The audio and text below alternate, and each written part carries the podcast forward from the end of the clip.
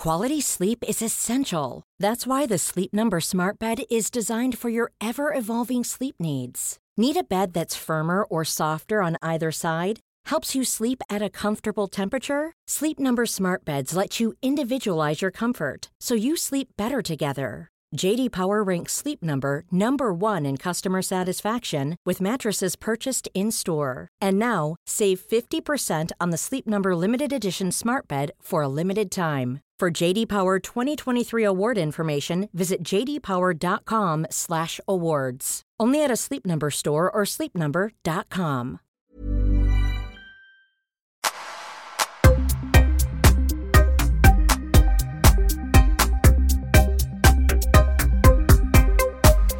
Smile!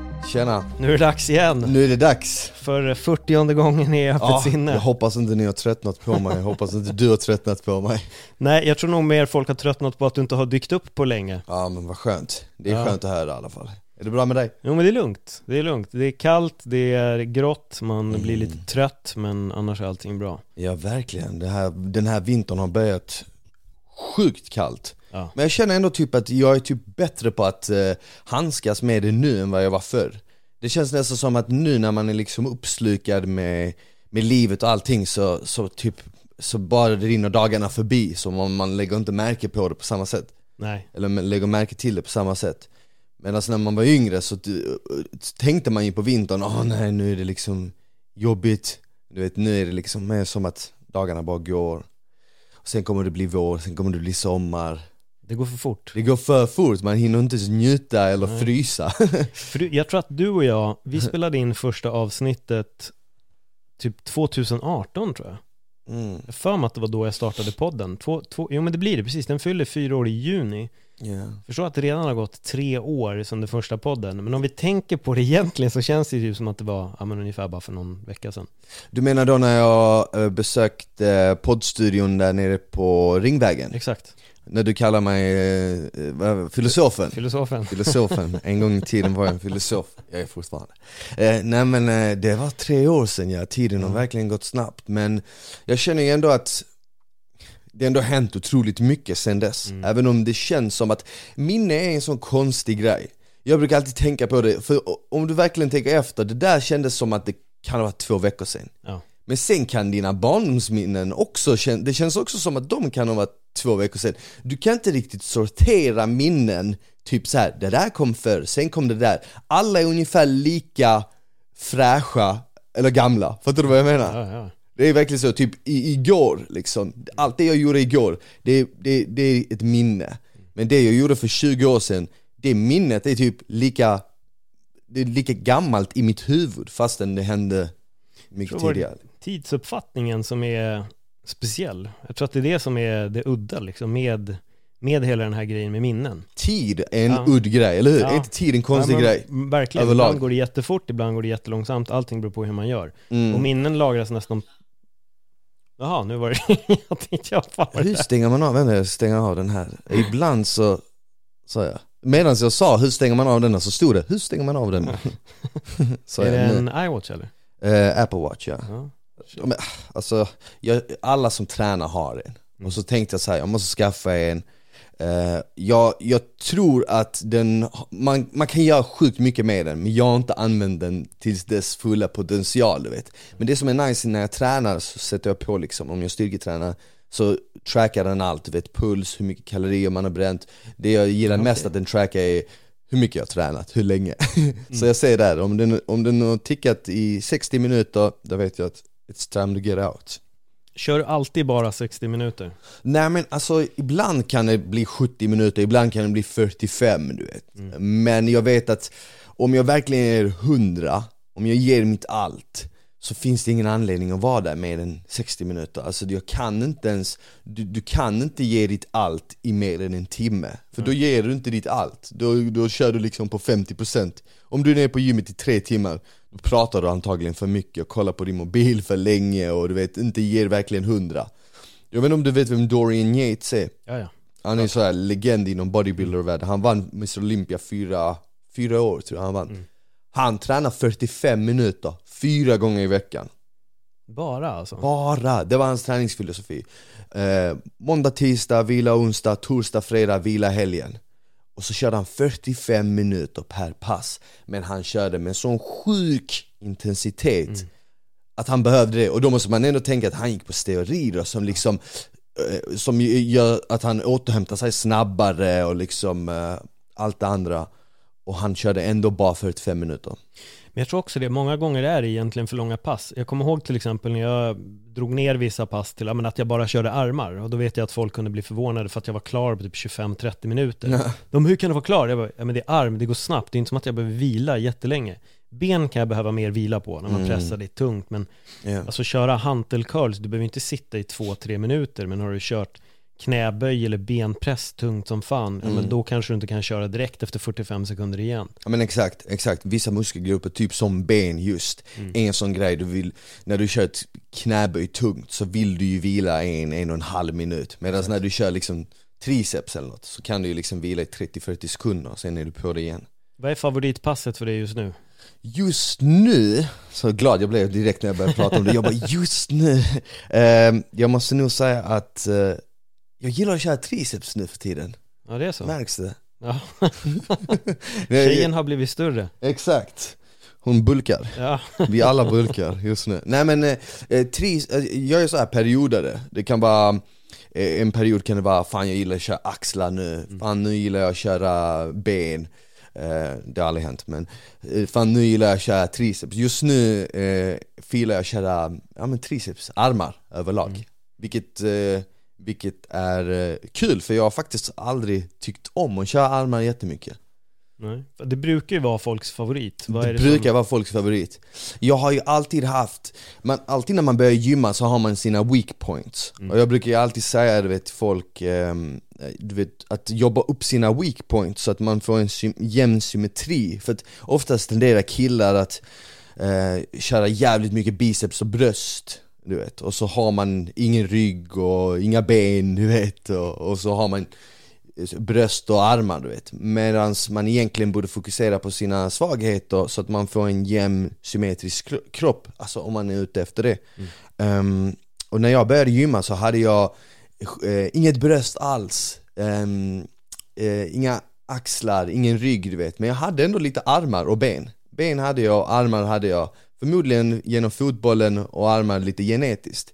Så att jag behövde fokusera fett mycket på, eh, över, alltså på själva kroppen då, alltså brösten, axlarna, ryggen. Och eh, så det blev att jag bara tränade det hela tiden och körde inte armar. Sen får du ju lite armar när du kör bröst, du får biceps när du kör rygg. Så jag fokuserade på de bitarna, och sen när jag jobbade upp det Tills den grad att shit, jag bara kollar på mina ben, jag bara damn, de börjar se skinny ut nu. Så jag började, började köra ben igen och sen nu på sistone så har jag De senaste åren så har det varit jämnt, jag behöver inte liksom tänka oh, nu måste jag jobba på det, nu måste jag jobba Nej. på det. För eh, jag har ju sett den här bilden på dig när du var väldigt ung alltså, hur gammal är du på den där när du står och spänner dig? Då när jag gör den, um, 9, 10, 9, ja. 9 bast tror jag är kan man klistra in den eller något? Så ja, precis. Jag ska nästan se om jag kan göra det, ja. få, in den, få in den där bilden.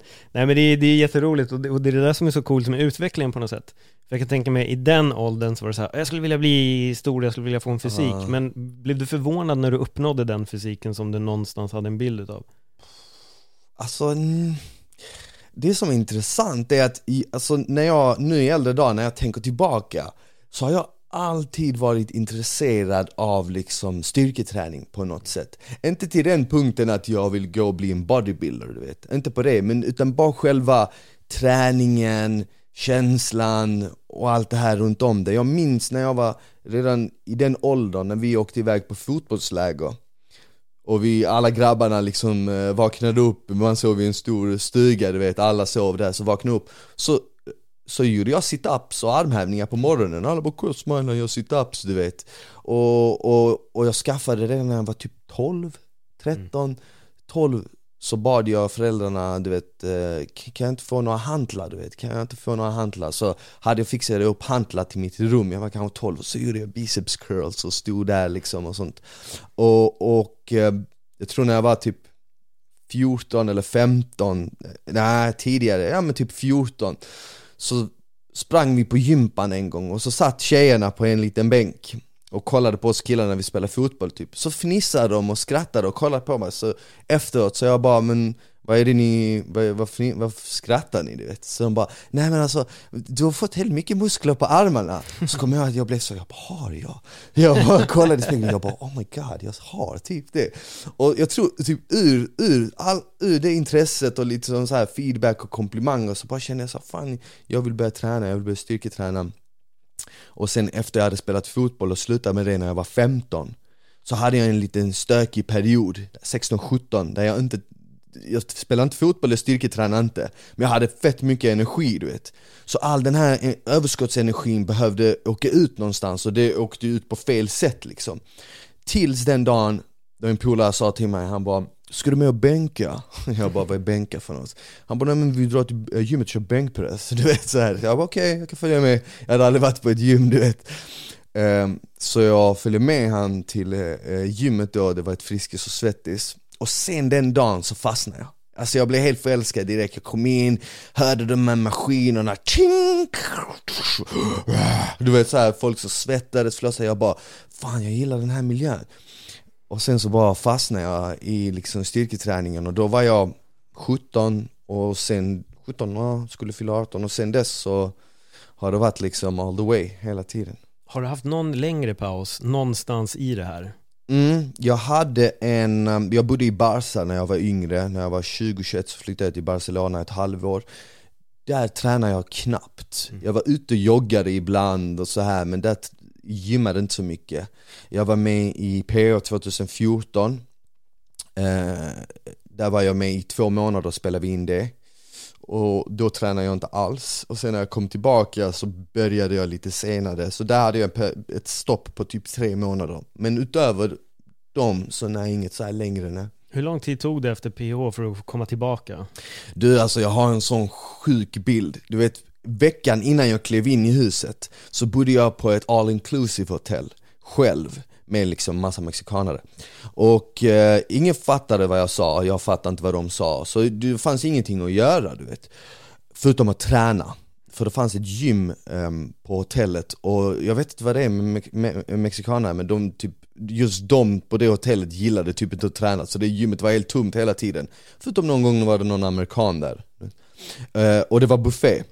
Och jag skulle in i huset. Och jag hade en vecka på mig, jag tänkte vet du vad jag ska göra? Jag ska, jag ska toppa min form så jag tränade två gånger om dagen i gymmet och sen på kvällen eh, joggade jag lite lätt på stranden. Och så vaknade jag typ sex varje morgon Käkade frulle, tränade, låg vid poolen, solade Käkade lunch, tränade, låg vid poolen, solade.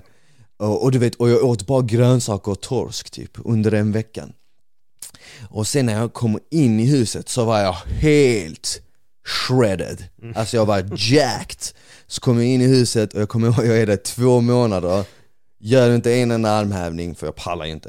Gör inte en enda armhävning, ingen träning, super i två månader i sträck. Och kommer ut och, och det, all, all, den definitionen som jag hade där i början, början hade försvunnit helt på bara två månader. Eh, jag har faktiskt, jag la upp en bild en gång på instagram, en före efterbild. bild jag vet inte, jag kan se om du kan, kan klistra in den här, skicka den till eller något. Men, mm. men, men där ser man vilken otrolig skillnad det är bara på två månader. Oftast brukar man ju se en före och efterbild, där förebilden ser man sämre ut på, efterbilden ser man jävligt mycket bättre ut så.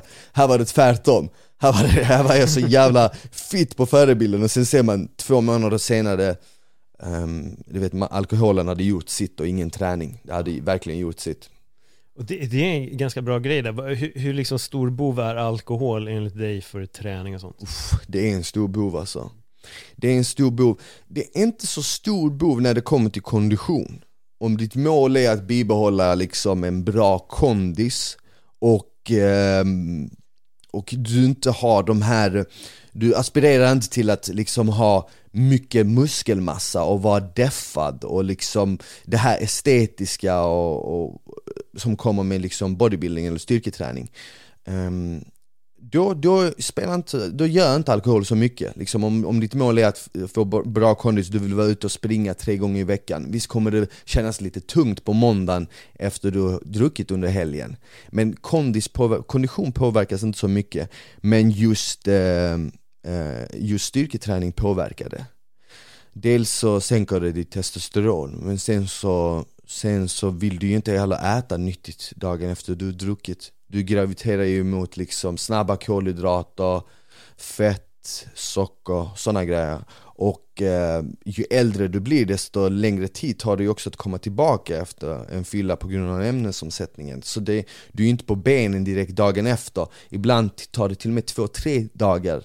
Nu känner jag liksom nu när man har fyllt 25 att, eh, att eh, jag eh, liksom, det tar, förr kunde jag liksom dagen efter vara på gymmet, boom, nu efter eh, en utekväll när jag har druckit och sånt Säg att jag är ute på en lördag, jag är tillbaka typ onsdag nästa vecka Helt och hållet. Så här, Söndag behöver vi inte ens prata om, jag är en grönsak på en söndag. På måndag, semi-människa 50% människa, 50% grönsak. På tisdag däremot kvällen, okej okay, nu börjar jag liksom vara smile igen På onsdag är jag back on track Men det tar tid alltså för mig var det ju så illa att det gick, för om jag drack på en fredag, då var jag tillbaka fredagen efter. Nej. Och det var därför jag slutade. Ja, ja men det är det, det, är det jag menar, det var, det alltså det är hemskt. Det, det, är inte värt det. Och saken är den, när, när det väl, alla som har festat och alla som har druckit lite vet ju också att det, det bästa av allt är det där lilla buzzet mm. som du får i början Och det får jag efter typ två öl, jag är så jävla känslig Jag får det efter två öl Allting över det är bara liksom du, du jagar någonting som inte finns liksom. Så du vet, så, så ja, när det kommer till styrketräning Visst okej okay att dricka någon gång då och då men eh, helst inte om du vill liksom, ha en ambition att bygga muskler och vara rippad liksom. Men du, jag, jag tänker lite när vi ändå är i liksom, träningssfären och det här, du har ju nu satsat väldigt mycket på det här med maten, du har din mm. YouTube-kanal, det käkas mycket, jag har varit där, jag har ätit, bra yes. mat för övrigt och jag vet att det har varit en kamp för dig med den här äh, boken, du har mm. boken liksom, du har mm. pratat länge om det här Men nu är det klart Nu är det klart, boken är ute ja. Det har varit en lång process Paul, det har verkligen varit en lång resa sen jag gjorde, lagade min första hälsosamma måltid som jag visade utåt. Mm. tills nu att boken är klar och man kan liksom klicka hem den så har det varit två år. Men jag, jag ska säga så här, det första året så hade jag inte planen på att göra en bok.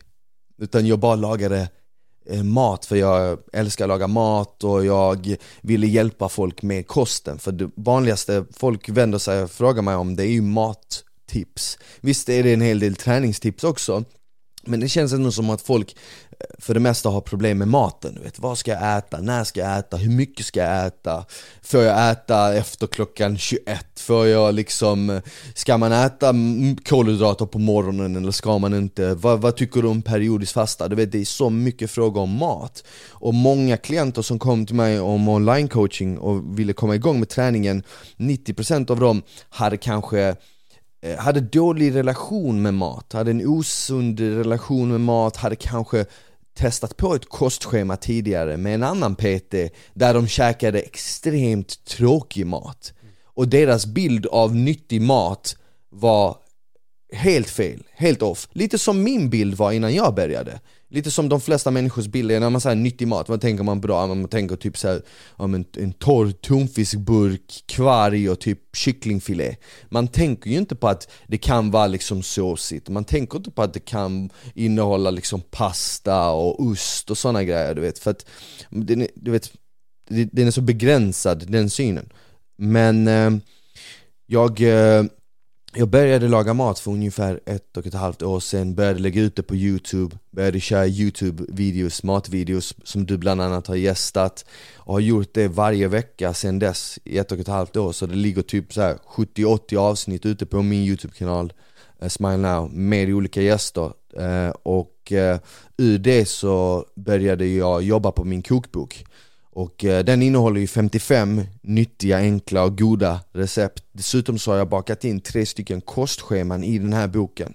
Eh, kostscheman som innehåller maten som finns i boken. Så att du som liksom läsare får ut det mesta av den här boken. En, visst är det nice att ha en bok och bara bläddra i den, kolla, ah, snygga bilder. Men jag vill ju att du ska verkligen få ut det mesta av den här boken. När du liksom klickar hem den här boken, får hem den Så vill jag att du ska kunna göra all den här maten Följa något av de här kostscheman Alltså i fyra, åtta eller tolv veckor och kombinera det med din träning och få goda resultat. Och det vet jag att folk kommer få. Så jag har verkligen försökt ge så mycket värde som möjligt. Och därav tror jag det har tagit sin tid du vet. Mm. För man är liksom en perfektionist, man vill att det ska vara nice. Men sen vet jag också att hade jag släppt en till kokbok nu så hade jag inte bara halverat den tiden, det hade ju gått på en betydligt mindre tid. Eftersom ja, men första gången man gör något mm. är alltid liksom första gången man gör något. Man, alla fel man kan stöta på stöter man ju typ på du vet. Och man inser inte hur mycket jobb det är och så vidare och så vidare. Sen lär man sig av sina misstag, nästa gång man gör det så går det mycket snabbare för man vet ju exakt vad man ska eh, tänka på liksom. Det finns ett författarcitat som är Skriv din första bok, släng den i brasan och sen skriver du den första Aha, ja. Och det är som du säger, den gör ju alltid som du säger, att man lär sig. Jag kan verkligen tänka mig det, att nu halveras, mer än halveras tiden ifall du ja. skulle göra det igen. Men vad skulle du säga har varit största utmaningen med att göra boken? Och då tänker jag i, i, ur aspekten liksom att få fram alla recept och också göra kostscheman.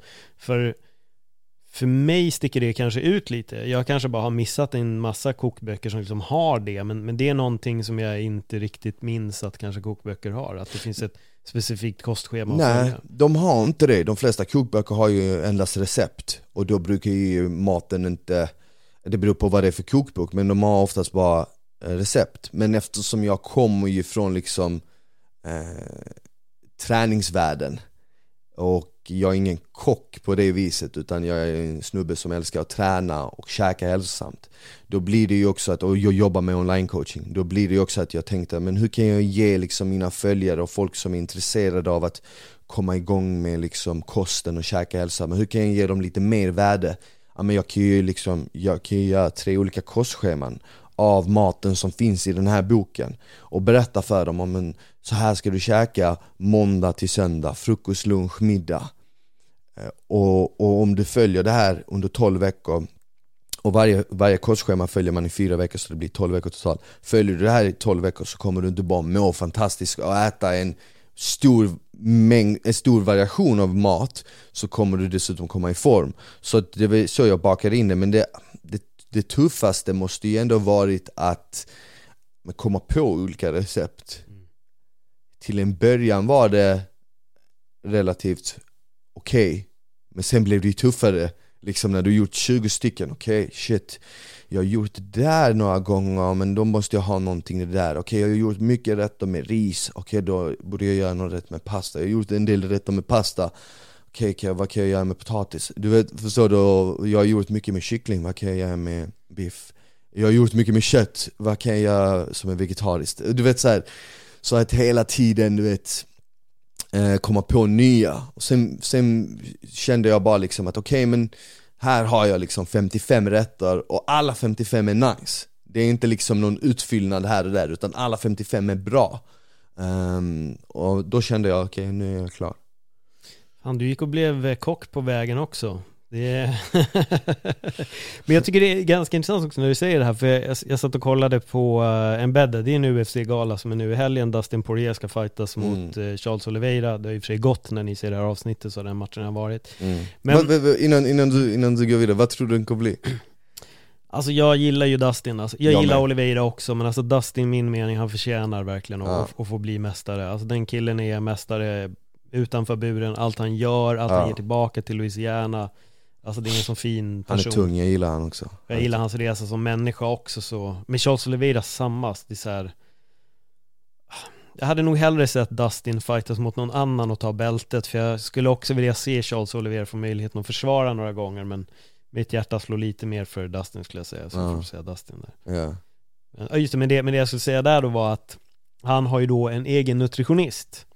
Och då kommer kommentaren, ja ah, det har aldrig varit så här enkelt att gå ner i vikt och det är där jag tänker många gånger att folk har just den här gamla tänket, typ ja men torsk och ris eller kyckling och mm. ris och tonfisk och ris och jag vet att någon gång för massa år sedan när jag också skulle deffa lite och så typ kryddade jag min mat så tyckte folk att jag kunde egentligen inte krydda heller. Jag bara fast varför yeah. ska jag inte kunna använda typ chili flakes eller liksom, vad, vad spelar det för roll? Och, och det är där jag tror det är väldigt bra att det kommer fram för jag tycker fortfarande att man ser, speciellt den svängen jag är involverad mycket i, fighting-svängen Folk fattar fortfarande inte att det går att äta gott när man går ner i vikt. Mm. Mm, ja men verkligen, jag vet, jag har haft eh, klienter som kommit till mig och sagt ah, men jag fick inte salta maten och dricka kaffe eller någon energidryck Så jag bara vadå, så du druckit vatten i ett halvår bara typ? Och inte saltat maten? Ja Jag bara men det är inte konstigt att du typ gav upp och tycker det är hemskt, det hade jag också gjort efter typ en vecka Men, eh, men det är som du säger, jag tror också att Alltså vad, vad, jag, vad jag tror det kommer ifrån, det är att det kommer ju från folk som verkligen är bodybuilders. Och som tävlar och som satsar på liksom så här Olympia och olika stora scener. De har ju liksom gett och berättat hur, hur deras liv ser ut. Men man måste förstå att du, du kan inte ta råd från en sån människa. Visst kan du ta en del råd av en sån människa Men den personen är på en helt annan level när det kommer till träning, kost och har helt andra mål. Det är en person som vill stå på en scen och ha 4,5% i kroppsfett. Och, och, det vill inte du, det vill inte jag, utan man vill bara liksom, man har ett liv, man vill fungera, man vill kunna gå ut med sina vänner, man vill kunna dricka, ta ett glas, man vill kunna äta vad man vill om man blir bjuden på en fest eller något vill man inte sitta där med en jävla matlåda. Utan man vill ju liksom man vill kunna ha ett vanligt liv men ändå vara i någorlunda bra form. Du vet. Känna att fan, jag, jag håller mig ändå i bra form, jag mår bra viktigast av allt, jag känner mig stark, jag har inte besvär, jag håller mig frisk. Det är sådana grejer en, en average Joe vill känna liksom. Och det var det jag kände typ själv, att fan visst jag vill ju se bra ut, jag tror att alla människor vill se bra ut Men jag vill ju också må bra, men jag vill inte liksom käka tråkig mat. Jag älskar mat, jag vill liksom kunna käka bröd, jag älskar ost, jag vill kunna käka ost, det är sådana här grejer. Och jag tror att de flesta människor också vill göra det och därför kunde många relatera till till exempel matvideosen och därför gick, gick det så bra med dem och, och, och kokboken har ju bara varit ute i en vecka och kunnat förbeställa och den har redan sålt otroligt bra. Och jag tror det är på grund av att folk inte vill liksom de, de, de vill må bra, komma i grym form, men de vill inte skrota allt de har i kylskåpet och fylla det med liksom tråkiga livsmedel. Det är ju det som är grejen. För jag testade för, alltså jag kanske var 2021 så mm. läste jag BK och hittade en 2021? Jag var 20 eller 21 Aha, okay, okay. 20, inte, ja, precis, inte 2021 utan jag var 20 eller 21 uh, Och då hittade jag i BK som sen blev Bodydora, tidningen. Så hittade jag just, det var någon bodybuilders def alltså, Det var det här han gjorde. Och då tänkte jag, det är det här jag måste göra. Ja. Så jag testade exakt den metoden. Eh, Jag var tvungen att avbryta efter Alltså typ två, max tre veckor. För jag hade noll energi Och jag gick ner sjukt fort i vikt. Det bara flög bort. Och det är klart med okunskapen som man satt på då, får man inte glömma, det fanns inget internet, man kunde inte googla liksom, utan det var BK var det man hade och kanske någon polare som höll på att träna liksom. Um, men det gick på tok för snabbt. Mm. Och det är självklart, jag var inte i den bulkformen han var, eller någonting, men jag testade den metoden och jag lärde mig ganska snabbt där och då att du ska nog inte bara kopiera rakt av vad någon gör för att Nej. de gör i ett annat syfte som du säger 4,5% Jag tror jag planerade att det här ska jag kunna göra i två månader för att uppnå en bra def men uh. jag tror jag kom dit rent viktmässigt på typ två, tre veckor bara yeah. och, och, det var typ så här, kyckling, ris bara yeah. i princip Inget salt, inget fett, inget godis, ingenting Yeah. Och sen var det också att jag körde styrketräning plus trampmaskin i en timme mm. Direkt efter styrkan liksom, och det sa bara pang Ja, ja men alltså det är egentligen, det är inte så, det är inte, det är inte så konstigt, det är precis som att du, ja men säg att du är intresserad av att börja springa. Och så ska du liksom ta reda på, men hur ser Usain Bolts löprutin ut? Och så visar det sig att han springer fem, tre mil om dagen säger vi. Nu gör han förmodligen inte det men han har säkert någon galen träningsrutin eller hade när han väl var liksom on top of his game du, hade du gjort det, dina ben hade ju pajat dag tre mm. Eller typ såhär, ah, men nu ska jag komma igång med simning, jag vill börja simma Jag ska kolla, hur, hur, hur mycket simmar Michael Phelps? Han spenderar åtta timmar i poolen om dagen, okej okay, men då ska jag göra det Han käkar 14 ägg varje morgon, ah nice Det är det jag behöver Du vet, det är samma sak du vet, att kolla på typ såhär jag vet inte, Ronnie Coleman eller Jay Cutler, hur deras rutin ser ut, okej? Okay? De äter 5-6 tusen kalorier om dagen Äter typ 8 mål om dagen. Äter konstant i princip, de jobbar ju med att äta egentligen. De jobb, Träning är en minimal del av deras vardag. Träning är en timme om dagen. Men mat rullar på konstant, det kan du aldrig ta en break ifrån. Och jag märkte, jag kommer ihåg själv när jag började gymma. Jag hade ju, jag såg eh, en bild på Marco Schenkenberg. När han var ung och typ såhär åkte, eh, åkte rullor på Venice Beach typ hade värsta kroppen. Och jag bara shit, så där vill jag se ut. Och jag var typ såhär 16, jag hade inte börjat gymma än, jag skulle precis börja 16, 17 Så där vill jag se ut. Och sen så läste jag någonstans Precis som du läste då i den här, jag tror jag läste på internet då.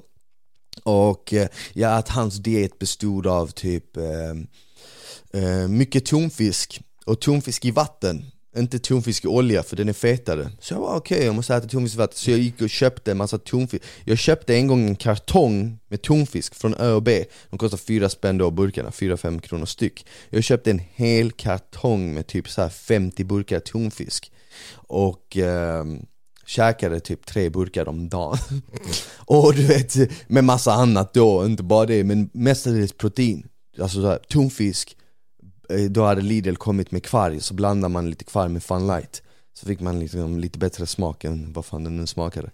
Um, Kyckling. Och, och, det var det jag levde på, och visst, jag blev extremt deffad. Alltså jag hade inget fett på kroppen. Men sen kom det en dag efter två, tre månader Då jag mådde dåligt och vräkte i mig kolhydrater bara för att jag inte hade ätit dem alls på två, två tre månader. Sen fick jag ångest för att jag hade gjort det och så ville jag spy ut maten. Så jag höll på att hamna i en jävla dålig relation med mat. Och jag tror sådana erfarenheter som det um, gjorde att jag senare nu liksom i äldre dagar kände att fan Alla kan hamna där, hur starkt psyke man än har. Jag ska fan liksom göra uh, nyttig mat till något gott. Jag ska göra det lite mer nice. Och, um, och, och, och, så började jag ju liksom med youtube-videosen och sen nu har jag släppt kokboken och eh, kommer fortsätta med det för det är liksom en, en, en passion. Och sen är det också, jag märker att det finns jättemånga människor där ute som älskar recepten Som tar del av dem varje dag för jag liksom DMs skickade till mig, bilder skickade till mig Folk som gör maten. Och det är nice, jag menar att, att, att lägga ut eh, en, en matreel till exempel på Instagram som jag gör varje vecka och, och sen få en massa människors feedback tillbaka där de själva gör det där de gör det till sin partner eller till sina kids eller whatever och så gör de maten. Det är riktigt nice, du vet. A lot can happen in three years, like a chatbot may be your new best friend. But what won't change? Needing health insurance. United Healthcare Tri Term Medical Plans, underwritten by Golden Rule Insurance Company, offer flexible, budget friendly coverage that lasts nearly three years in some states. Learn more at uh1.com. Millions of people have lost weight with personalized plans from Noom like Evan, who can't stand salads and still lost 50 pounds. Salads, generally, for most people, are the easy button, right? For me, that wasn't an option. I never really was a salad guy. That's just not who I am. But Noom worked for me. Get your personalized plan today at Noom.com. Real Noom user compensated to provide their story. In four weeks, the typical Noom user can expect to lose one to two pounds per week. Individual results may vary.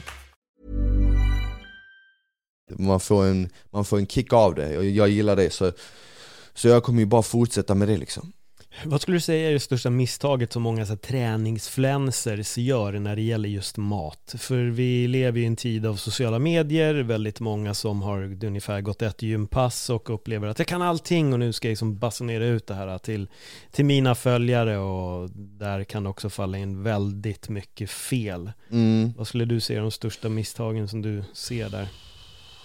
Det är väldigt olika, men något som jag har lagt märke till som många kanske inte tänker på, det är att många influencers kring fitness och träning är unga. Unga killar, unga tjejer som är kanske runt 20-årsåldern, som ger tips eh, typ på mat och träning och så vidare. Och, och saken är den att när du är i den åldern så kan du i princip äta vad fan som helst och fortfarande se bra ut. Jag menar när jag var 20 bass så levde jag typ på vodka och mackor. Och, och jag hade ändå en bra kropp. Ja men det, det var under den tiden när jag bodde i Barcelona. Jag tränade inte ens. Det skickade jag när jag kollar på bilder tillbaka, just jag tränade lite innan. Så när jag kom ner dit så var jag vältränad. Men just under det halvåret jag bodde där, jag, jag åt riktigt dåligt. Jag var ute och festade hela tiden, drack jättemycket. Ändå hade jag apps och sånt. Tänk om jag hade liksom tagit upp, eh, tänk om Instagram fanns då liksom. Jag bara Träna aldrig, ni behöver inte tänka så mycket på vad ni äter. Du vet, jag käkade det här idag, jag käkade det här och bara Kolla det funkar, jag har fortfarande apps liksom. Ja, Men det är inte konstigt. När du är liksom i den åldern så kan du, många människor kan vara i god form då. Och jag tror att många människor då ser kanske de tipsen och tänker ja men det kan jag också göra. Jag kan också göra det där. Och de, de kanske är äldre, de kanske är 25, 30, 35 Har kanske inte lika bra ämnesomsättning. Och tar till sig de här tipsen och märker shit det funkade inte för mig du vet. Så jag tror att många kanske ger tips som, eh, som inte är anpassade efter de flesta. Och det är, det är också en grej, det är också svårt att göra det, jag menar. Det är så jävla individuellt när det kommer till träning, du vet. Eh, Vad som funkar för dig, hur du ska käka och sånt. Det är så, det är så olika från person till person liksom. Hur hittar du det när du har dina klienter? Liksom de här olika vägarna, för det måste ju också vara en alltså det får man ju verkligen stå med förstoringsglas och kolla. Ja men alltså eftersom vi har, jag har en konstellation med alla, går igenom klart och tydligt hur deras kost och träning har sett ut det senaste året. Hur, de, hur det ser ut när de var yngre och så vidare. Då får jag ett hum om, ja men ungefär vad den här personen eh, har för kroppstyp, var, eh, hur, de, hur deras livsstil ser ut idag, vad man kan förbättra och så vidare. Och sen måste man ju också ha realistiska mål. Man kan ju inte alltid, du vet, vissa skickar en bild, så här vill jag se ut nästa sommar. Du vet, och så tänker jag i mitt huvud, det där är, det där, så där kan du se ut men kanske om fem somrar men inte nästa sommar du vet. Eh, så att, så att jag tror också att folk behöver liksom inte ha brådska till något. Inte, Stressa inte fram något. Du, eh, Alltså det finns liksom inget bäst före datum utan du gör det här för din skull, för din hälsas skull, du vet. Om du skiter i alla andra så kommer du inte vara lika stressad över att du måste komma, måste, måste komma i form nu, nu, nu du vet. Och om man tar bort den stressen och börjar tänka lite mer långsiktigt Så kommer man ju också utveckla bättre, eh, ett bättre förhållande med mat, med träning och så vidare för tålamod och långsiktighet är ju verkligen någonting som man måste ha med här. Hur, hur får du folk att verkligen förstå det? För jag vet själv när jag jobbade som PT, det så här, ja jag vet att det inte går, men jag skulle vilja om två veckor. Fast du har redan gett svaret själv. Mm. Alltså det är, det är svårt, för grejen är den, man kan bara ta det här som exempel, nu kommer nyår ju. Mm. Och efter nyår så vill ju jättemånga människor komma igång med träningen. Och det många gör fel, det är att de tänker okej, okay, new year, new me, du vet, nu ska jag liksom köra sex, sju pass i veckan. Jag ska träna varje dag, äta hälsosamt varje dag. Och de vill verkligen gå från att noll träning, du vet, käka inte hälsosamt, till att över en natt vända och i princip bli en helt ny person. En person som tränar sju gånger i veckan och äter nyttigt varje dag. De vill göra den vändningen på ett dygn liksom. Och det funkar inte så, det är en vändning som tar flera år att göra om du är superfokuserad och riktigt duktig kanske du kan göra en sån vändning på ett år. Men annars tar det tid, därför brukar jag alltid säga du vet, till folk som inte tränat så mycket tidigare liksom, att Börja med att inte sätta för stor press på dig själv. Du behöver inte höja den där ribban till det högsta läget. Du kan börja med en lite lägre ribba, en ribba som du vet att du kommer nå. Så att det skulle vara tre eller fyra pass i veckan.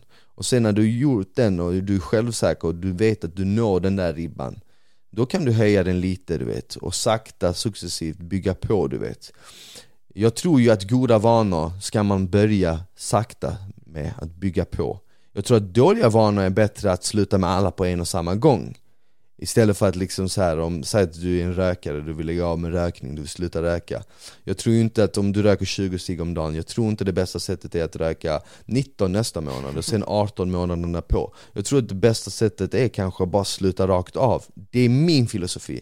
Men när det kommer till goda vanor så tror jag att det är bättre att sakta lägga på det du vet. Så att du inte får en chock, så att du inte blir rädd, så att du inte känner shit vad fan är det här? Hur jobbar du själv med egna rutiner? Alltså jag har ju Jag har en hel del rutiner, jag har så många rutiner att jag själv typ inte så håller koll på dem.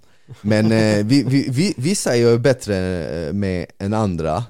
En rutin som jag lyckas hålla nu fem dagar på raken jag är inne, Imorgon blir den sjätte dagen Det är att jag mediterar 10 minuter på morgonen. Ja, Det är någonting jag känns? alltid har velat göra till en vana men inte lyckats med. Det känns bra, alltså redan nu efter bara liksom fyra, eh, fem dagar så känns det bra. Jag känner mig liksom, jag vet inte hur jag ska förklara det. Jag, jag graviterar inte lika snabbt till mobilen och tar upp den och bara hmm, jag ska se vad som händer på instagram. Jag tänker till innan, varför gör du det? Ah, jag ska kolla på instagram, varför ska du kolla på instagram? Vad är det du ska kolla på? Jag vet inte, jag ska bara se vad som händer. Ja, men Det händer inget och okej, okay, fortsätter jobba. du vet så här. Eh, det är som en röst som pratar med en i huvudet. Eh, men ehm, jag, eh, det är samma sak där. Jag, innan jag liksom, innan jag började nu det här med meditera så har jag ju först sett till så att okej okay, men kan jag gå upp en viss tid varje morgon? Okej okay, bra, det kan jag. Kan jag ta mig till gymmet fem gånger i veckan? Okej okay, bra, det kan jag. Kan jag Eh, Eh, äta nyttigt, eh, försöka äta nyttigt varje dag, okay. Så jag har byggt upp goda vanor, skriva dagbok varje kväll, ja det kan jag. Eh, Och hållt. och sen har jag också sett att alla de här vanorna och alla de här rutinerna har ju gett resultat. Och det, det, det ger ju också dig hopp och det gör ju också så att du vill fortsätta. För resultat föder ju motivation och det får, får ju dig att fortsätta. Eh, och sen så tänkte jag, okej okay, men fan jag har alltid velat börja meditera, kan jag göra det? Och så började jag häromdagen du vet eh, Jag tänkte först så här, jag ska börja efter nyår, men så tänkte jag så här, varför, fan, varför ska jag börja efter nyår? Jag kan ju bara börja nu liksom Okej okay, jag börjar nu då Och så gjorde jag det, så um. Men hur tycker du det känns? Vad, vad, vad får du för upplevelse? Vad, vad, känner du efter de här fyra dagarna? Mer än bara, nu, nu tänker jag på i meditationen själva, när jag mediterar? Ja. Ah, alltså den, jag tror att den processen ser så olika ut för alla, mm. för när jag pratar med folk så mediterar ju vissa med en app, vissa har mm. typ så här meditation guide, andra har musik. Jag gör, ju, jag gör det enkelt för mig själv, jag sätter mig liksom i soffan och försöker sitta så bekvämt som möjligt Och sitter där i 10 minuter bara, så jag kör inte länge. Um, Vem vet, jag kanske jobb, det är också en grej som jag kanske jobbar upp sen, jag ville ju börja lågt. Så i 10 minuter Inga ljud, ingenting, jag bara liksom sitter för mig själv och eh, tänker på andningen för att inte tänka på något. Mm. Och kommer det in en tanke så fäster jag mig inte vid den, jag låter den bara passera förbi liksom. Och för att, ett knep för att göra det är att fokusera igen på den här andningen. Och jag tänker ju på andningen i en, eh, i en eh, triangel. Så liksom när jag, när jag andas in går det här. Och sen när jag andas ut upp. Och sen håller det ner. Och sen så för kameran blir det så. så, så, jag tänker liksom i den rörelsen. Och då fokuserar jag på det. Och så tänker jag, har inga tankar vet. Och sen efter 10 minuter när 10 minuter har gått då så tänker jag i två minuter kanske på saker jag är tacksam för. Ehm, det, kan vara, det kan vara allt möjligt. Det är olika varje dag. Jag menar, det kan vara simpla saker som idag var det typ så här, ja men jag är tacksam för min hälsa. Jag är tacksam för att jag har tak över huvudet och jag är tacksam över att jag har liksom eh, när, jag, när jag öppnar kylen så är det mat i den. Jag var tacksam för det. För det finns så många människor, det här låter så klyschigt kanske, men det finns så många människor runt om i hela världen som, som, som som inte har den lyxen vi har. Vi kan öppna kylskåpet och välja vad vi vill äta. Vi kan öppna mobilen och vi kan beställa hem mat från en app. Alltså vi kan beställa hem, vi behöver inte ens laga maten, någon annan gör det åt oss. Det finns delar i världen var de inte ens har mat. Alltså de, de, de har inte ens lyxen att, vi ska inte prata om lyxen att beställa mat. de har inte mat. Och, och, och du vet, och jag tror att vi, hjärnan är inte kapabel till att förstå sådana saker så du måste påminna den om hur tacksam du är. Du måste påminna den om att det finns folk som sover ute, nu. Det är minus 15 grader, det finns folk som sover ute, det finns folk som inte vet, alltså vet vad de, om de kommer att överleva till imorgon för de har ingen mat. Och vi måste påminna oss själva om det och tänka liksom att shit, jag har det bra, jag, ska, jag får inte klaga, jag har ingenting att klaga över. Vad ska jag klaga över? Jag har allt jag behöver. Och du vet, tacksamhet är en nice känsla för att den fyller dig med kärlek, den fyller dig med eh, positivitet, den tar bort allt negativt.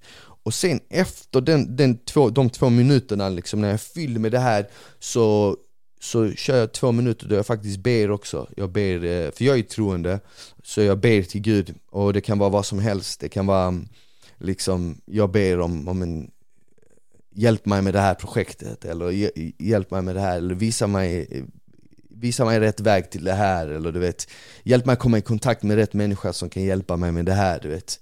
Mm. Så det, det är min rutin, det låter överflummigt, jag vet att många tänker säkert säga han är dum i huvudet. Men, men, men alltså det är min grej, alltså det, det kanske inte är för alla och förmodligen är det inte det. Men jag känner bara att det där funkar så jävla bra för mig. Och jag har alltid haft en väldigt stark connection till Gud, alltså ända sedan jag var barn. Jag har ju liksom jag brukade gå, äh, dra till moskén när jag var yngre, jag gick äh, så här, mos äh, moskéskolan när jag var liten och så vidare och sen försvann min tro lite där i tonåren när man blev rebell och sen så kom den tillbaka igen.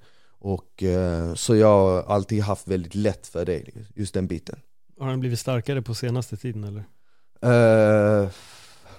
Ja men jag tror det. Jag tror det, för att eh, på senaste tiden har jag bara blivit så här ja, man har ju blivit mer tacksam för saker och ting, du vet. Um, ju äldre man har blivit och man har haft en hel del uh, år som har varit så här hälsosamma och bra och familjen har mått bra och så vidare. Visst händer det tragedier ibland i allas liv liksom.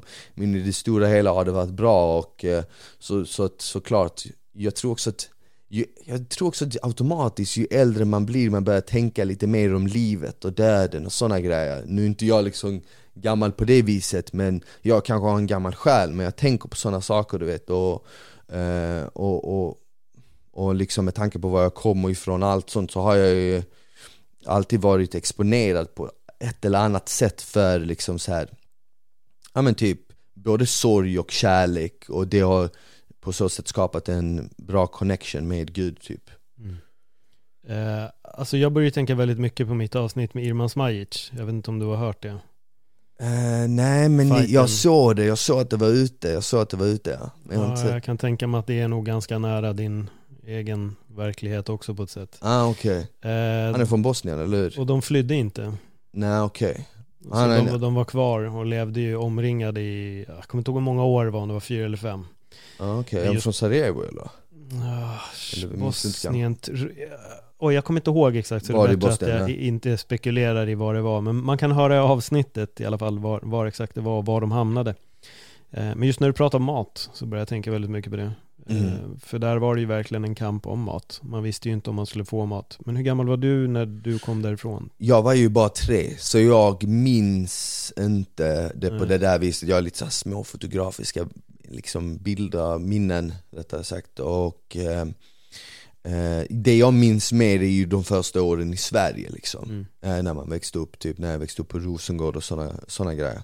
Eh, Men jag minns inte själva det i Bosnien, jag tror att han är äldre än mig. Ja, Så, att, så, så att eh, han minns ju det där säkert tydligt. Och jag känner ju många som kom samtidigt som var i tonåren när de kom. Och de har ju säkert minnen av flykten och sen en del som liksom, som stannade där över kriget. Eh, för att alla människor flydde inte, alla kanske inte hade möjligheten att fly, vissa ville kanske inte fly och lämna sina hem. Det var så här, var ska jag fly? Du vet, detta är mitt hem du vet. Medan andra, mina föräldrar var ju väldigt snabba på den bollen och, alltså med att fly för att jag tror att jag tror att fassan såg det, såg det komma rätt tidigt när det blev kris. Han bara okej, okay, du vet, saker och ting kommer att bli illa.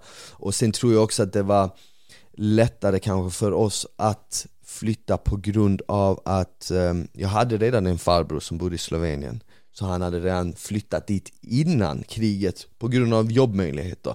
Jag hade redan en faster i Tyskland som hade flyttat dit redan på typ 70-80-talet eh, som arbetskraft på grund av att ja, men, liksom, det fanns inte lika mycket jobb kanske, i, eller ekonomin var inte lika stark i Jugoslavien som i Tyskland liksom. Så att det var nog inte så svårt för liksom min mamma och pappa att ta det eh, beslutet. Och sen hade jag en farbror som var insatt i, liksom, i, i kriget och var en högt uppsatt officer. Så att han kanske också gav liksom lite inside information du vet, till min farsa där han kunde säga du, alltså, saker och ting kommer att gå riktigt illa du vet. Ta liksom familjen och dra. Eh, så att eh, vi åkte ju till Sverige då, uh, 90, 93 så jag var ju bara tre år gammal, så jag minns ju inte det så. Men vad jag minns är ju liksom första gången jag kom tillbaka till Bosnien efter kriget.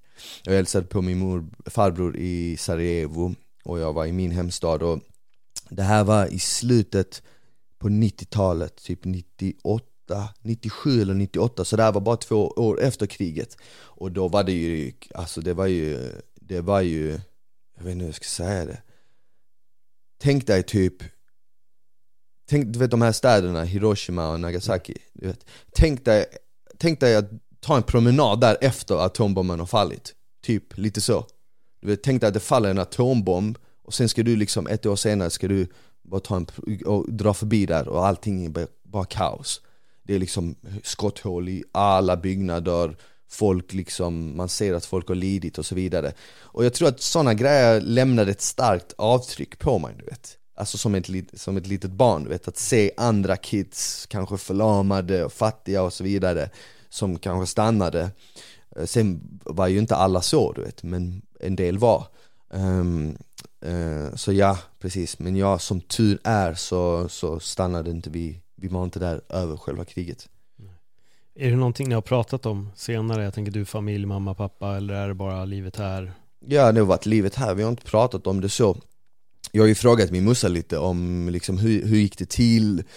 Hur eh, såg den här resan ut? Du vet, vad drog vi först? Och hon, hon har ju berättat för mig liksom, i stora drag hur det, hur det gick till och Det var inte så kort efter vi eh, flydde från vårt hus som det blev bombat Oj eh, sönderbombat, utjämnat liksom. Så, så hon har ju berättat liksom hur det gick till, vi tog oss därifrån till Slovenien, bodde där lite tills vi fick papper och sen åkte vi vidare upp till Sverige och bodde faktiskt först i, i Kramfors i Ångermanland på en flyktingförläggning där. Och sen därifrån blev eh, man placerad i olika ställen och vi blev då placerade i, på Rammersväg i Rosengård. Eh, så det var där jag liksom växte upp, spenderade de första åren. Men sen så liksom när eh, päronen hade kommit på fötterna igen och hade pengar att köpa något, an köpa något så flyttade vi till ett bättre område liksom. Uh, För de ville ju liksom ge oss de bästa förutsättningarna Mig och min bror. Eh, så, så jag, jag har ju frågat liksom hur hela den storyn sett, sett ut och sen har man ju såklart pratat med folk där. Alltså folk som har varit med, jag har ju släktingar som har varit, eh, varit där under hela tiden och så vidare, kusiner och även vänner och så vidare. Så, men det är ju det, alltså det är ju en tragedi och sådana saker händer ju runt om i världen och har hänt och tyvärr händer säkert fortfarande. Så, så ja, men vi har inte pratat så mycket om det på det viset. Nej. Hur känns det att höra att huset ni bodde i blev ut, alltså bombat och utjämnat och bara tanken, för tanken måste ju ändå ha slagit dig någon gång att shit, tänk om de inte hade dragit?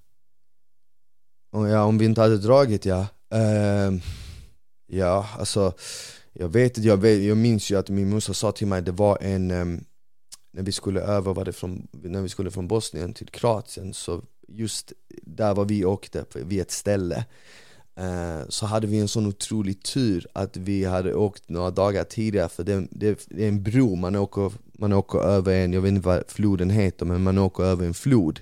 Så, Och det enda som connectar Bosnien med Kroatien just där vid den punkten är en bro. Och den bron blev utjämnad också, bombad Så att man inte kunde fly liksom. Men vi hann ju. Eh, så, så, nej men så, så, sådana grejer, klart man har tänkt shit, du vet, vilken tur du vet, tänk om du vet. Och synd att nu har vi ju byggt upp ett nytt hus exakt där det andra huset blev bombat. Uh, men, uh, alltså å andra sidan, jag försöker inte tänka så för mycket på det liksom, det, det har hänt och sådana saker händer liksom Livet går vidare och, och, och förhoppningsvis kan man lära sig någonting utav det istället bara Så vad, vad händer i livet nu då? Nej men nu har det varit mycket fokus på eh, det här med kokboken. Mm. eh, Gjorde klart den, lanserat den, ni hittar den på min hemsida trainwithsmile.com Länk i bion. Länk i bion. Eh, Som sagt 55 super goda, nyttiga, enkla recept eh, Dessutom bakat in tre kostscheman.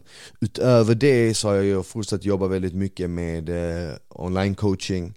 Ta emot nya klienter, hjälpa dem med träning, med kost, hjälpa dem komma i grym form eh, Förbättra sina kostvanor. Och Sen har jag jobbat otroligt mycket på kosttillskott som jag släpper efter nyår i januari.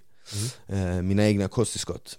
Eh, Selfit kommer märket heta jag vet inte om jag har berättat det någonstans, men nu har jag i alla fall. Ja, Selfit heter märket, eh, selfit.se kan man hitta dem på, inte just nu när det här avsnittet kommer ut Nej. Men i början på januari kommer man göra det, jag börjar med protein, BSA och PVO Och kosttillskott är något jag alltid har använt, alltså jag minns första gången jag hittade protein i min farsas liksom eh, eller var det, det var i köket någonstans jag hittade Jag tror till och med vi har dragit den här storyn Ja, och de smakade liksom mm.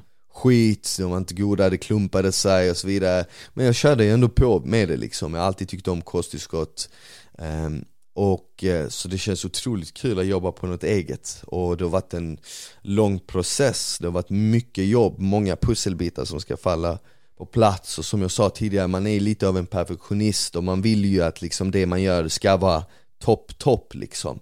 Och eftersom jag har tränat så länge och testat så många olika kosttillskott så har jag också en, eh, eh, en otroligt bra koll på eh, vad som finns där ute, vilka produkter som är bra, men också liksom hur produkterna ser ut rent estetiskt, vilken är, vilken är snygg, vilken är enkel att använda, vilken kan man ta med sig vilken ger effekt och så vidare. Så det känns nice att ta all den erfarenheten man har och liksom sätta in det i ett eget märke, ett eget brand som kommer liksom lyfta av sig själv. Eh, som jag kommer promota så att eh, det kommer vara ett nytt kapitel faktiskt som jag verkligen kommer lägga ner jättemycket tid och fokus och energi på och eh, vi håller på att bygga ett litet team liksom för Selfit nu så det är superkul, verkligen. och jag hoppas ju så fort jag släppt de här protein, BCA, PVO eh, så, eller rättare sagt, jag har redan börjat jobba på annat, liksom olika vitaminer, eh, kollagen, måltidsersättare, sådana grejer. Så det kommer att vara en hel line med kosttillskott. Shit alltså, det händer mycket. Som jag sa innan podden, det började första avsnittet var det filosofen, nu är det entreprenören och filosofen. Exakt. Och munken, meditatören, det, det är allt. Meditera. Men en, en annan anledning, jag ska berätta en sak. En annan stor anledning varför jag började meditera, det är just på grund av att jag har mer jobb jag kände bara så här: okej okay, shit, det är mycket med de här kosttillskotten Jag förstår varför många människor ger upp med olika projekt. Det är hinder efter hinder efter hinder efter hinder och det slutar aldrig. Och om inte du är redo liksom att jobba förbi de hindren så kommer du ge upp liksom Eh, och jag kände bara att det är mycket grejer att tänka på och så vidare. Jag bara okej, okay, jag måste ha en tid på dygnet där jag sorterar mina tankar. Och det var faktiskt så jag gled in på och kände okej, okay, meditation och, och eh, en journal på kvällen. De två grejerna kommer att hålla mig liksom skarp. Ja. Jag kan säga att för mig började meditation i fem minuter Sen slutade det med en timme. Oh jävlar, ja, jag, mediterade en timme? Ja, jag tror jag hade en period, typ två, tre månader då jag mediterade en timme om dagen. Shit. Då var jag helt inne i det, så att jag mediterade mycket. Jag körde nu i veckan när det var, var det 14 minus så mediterade jag, det här låter ju ännu konstigare, om du tycker ditt lät konstigt så låter det ännu konstigare. Jag mediterade alltså i kalsonger på balkongen i 10 minuter. Nej. Satt och mediterade, Men då körde jag Wim Hof andningsövningar innan och sen satt jag på balkongen med musik i 10 minuter och satt och bara blundade och gick in i tankarna. Och du blev inte sjuk eller något? Nej, frisk idag. Åh oh, jävlar. Ja. Ja för jag minns att du, ehm, eh, du, du badade, isbadade innan eller? Mm, Gjorde du exakt, exakt. det? Ah. Så jag har hållit på mycket med det där också. Och det, det går hand i hand. Gör det fortfarande? Eh, nu, jag har inte varit ute nu och badat. Eh, jag kör väldigt mycket kallduschar och duscharna hos mig är i alla fall så, de, det blir sjukt mycket kallare när det blir kallt. Liksom, Okej. Vilket är rätt uppenbart. Så de senaste duscharna har varit lite obehagliga nästan. Det. Eh, men jag har inte kommit ut, jag har vinterbadat i år men jag har inte gjort det nu. Om man säger så, jag har gjort det liksom tidigare på Mm. året men nu i och för sig Mm. i slutet på året så. Jag har Mm. kört några, men eh, målet är att göra det. Men jag gillar det här lite med att sätta mig ute väldigt lättklädd och bara vänja kroppen lite. Jag tycker att det brukar förenkla även isbaden också. För det kan bli lite extremt att gå från att vara påklädd till att kliva ner i is, men ändå jobba lite med att bara vänja sig vid även luften. Mhm. För det är en sak i sig också att bara kunna vara i den kalla luften. Liksom. Mm, mm. Och nu när det var 14 minus så var det ju perfekt. perfekt. Jävlar fan det är kyligt, jag tycker det är jobbigt att kliva ut på morgonen ur en varm dusch Jag bara nej det Ja, är jag duschar ju varmt inte varmt. Ja du gör inte Min det? morgon består ju av andningsövningar, kalldusch, eh, rörelseövningar. Jag kan ibland stanna och meditera efter eh, liksom, andningsövningarna. Du borde testa andningsövningarna, Wim Hofs andningsövningar, innan du mediterar. För det kommer ta din meditation till en helt annan nivå. Eh, och det går ganska snabbt. Du kommer märka det redan på första sittningen. Att du går mycket, mycket djupare in i meditationen. Eh, jag förut mediterade ju bara, men jag kan säga att redan första gången jag gjorde min Wim Hofs andningsövningar, då var det som att man blev inskickad 20 minuter in i meditationen från sekund ett. Mm. Så när du är klar med andningsövningarna och sen sätter dig och mediterar, då är du långt in i meditationen, så det är som en genväg liksom. Ja, ja precis Man genar in. Så testa. Mm, det där, mm. det, det kommer verkligen att, att förändra saker. mm. Ja men nice Andningarna är intressant. Shit, Ja. grymt Men du, alltså eh, som sagt det händer alltid sjukt mycket runt dig. Ja, det ska bli kul att läsa boken. Eh, Jag ska testa såklart lite mat. Jag kanske till och med får se till att prova några veckor Ja, och köra på den strikta smile-linjen så jag Testa kan sitta här nästa, nästa avsnitt som en Ali Hodzic. exakt, fyra veckor, fyra veckor skadar jag absolut inte testa Jag menar det, det är perfekt, man kan göra det kanske i januari eller något Ja. Ef- Efter nyår, du vet, man kanske ger det ett försök Och det det är ju god mat, så du kommer ju äta riktigt god mat varje dag Frukost, lunch, middag Ja. och så kanske lägger du till ett mellanmål Exakt. Perfekt Om du bara ska ge ett tips nu, för nu är vi ju, vi är några få, få, få dagar ifrån nu börjar alla nyårslöften. oh, Jävlar, det är vi Så vad vill du ge för tips? Inte tips på nyårslöften, men ett tips på hur man kanske håller rätt. För vi pratar lite om att få till ny, nya rutiner och sånt. Så om vi lämnar publiken med sista så här. Uff, Den är så svår, jag vill, ju inte, jag vill inte komma med något klyschigt, jag vill ju verkligen komma med någonting som faktiskt kan hjälpa folk hmm. Alltså jag skulle nog säga Pratar vi liksom om träning eller? Egentligen igång? vad som helst skulle jag nog säga, men du får välja. Om du vill lägga fokuset på träning så, så kör. För det brukar ju vara standard att börja träna. Ja, exakt Alltså jag vill ju säga så här som jag sa tidigare, du vet, ja men börja sakta, du vet hela den grejen. Men jag tror nu jag säger istället så här Att du måste, du måste typ, du måste hitta något inom dig som du, som, som tänder till dig, alltså som tänder gnistan inom dig. Du måste hitta något, någon person, det kan vara du själv, det kan vara din, någon i din familj, det kan vara din partner, någon som du inte vill svika. Och du måste tänka på den människan och varje gång du står inför vägvalet att du ska eller inte ska göra det, du orkar eller du, du orkar inte eller du behöver, förstår du vad jag menar? Varje gång du står inför det här jobbiga, oh, jag orkar inte gå upp, jag orkar inte gå och träna, jag orkar inte läsa det här just nu Så måste du tänka på den här personen du inte vill svika. Och det kan vara du själv om fem år, det kan vara du själv när du var liten, det kan vara din partner, det kan vara din mamma, det kan vara någon du älskade som har gått bort, som du inte vill svika. Men tänk på den här människan, den här personen och, och, och gör det för dem. Gör inte det bara för dig själv, gör det för dem och tänk att det här är fett jobbigt men jag, jag tänker inte svika dig. Mm. Och som sagt, det kan vara du själv, det kan vara ditt framtida jag, det kan vara, ditt, det, det, det, kan vara du när du var ett barn och hade en dröm. Och nu håller du på att svika dig själv. du håller på att svika det där barnet inom dig som hade en dröm liksom. Så jag hade sagt det, fokusera på den, det kommer liksom tända till den här gnistan inom dig. Det kommer ge dig den här motivationen, orken till att fortsätta. Och sen När du väl kommer igång så, så finns, finns ju momentum och det kommer hjälpa dig lite liksom på travet. Så att det som är tufft kommer bli lättare, det som är svårt kommer bli lite eh, enklare att handskas med och så vidare. Så det, det, det, skulle jag säga kommer, det kommer från hjärtat, alltså det där funkar för mig. Jag vet inte, det, jag, jag tror att det kommer funka för dig också. Mm-hmm. Ni får prova. Testa. Testa helt enkelt. Ta den här metoden och prova och se om det fungerar. Jag kallar den, jag kallar den smile-metoden, det finns Wim Hof-metod med andningen, det där är smile-metoden SM, det är det man vinner på. Där har ni det. Innan vi avrundar så vill jag också säga att om ni vill stötta den här podden så kan ni göra det via Patreon och det är bara för att ni uppskattar det som jag gör här, det jag producerar, det jag släpper. Om ni har lyssnat på podden, glöm inte att det finns en YouTube-kanal och där kan ni se allting som Smile har pratat om. Förhoppningsvis har jag lyckats få in alla de här bilderna och sånt. Följ mig på Instagram, att och följ Smile på Instagram, smile now, youtube, smile now Precis, där har ni Tack för den här gången. Tack, ha Hej då. bäst, ciao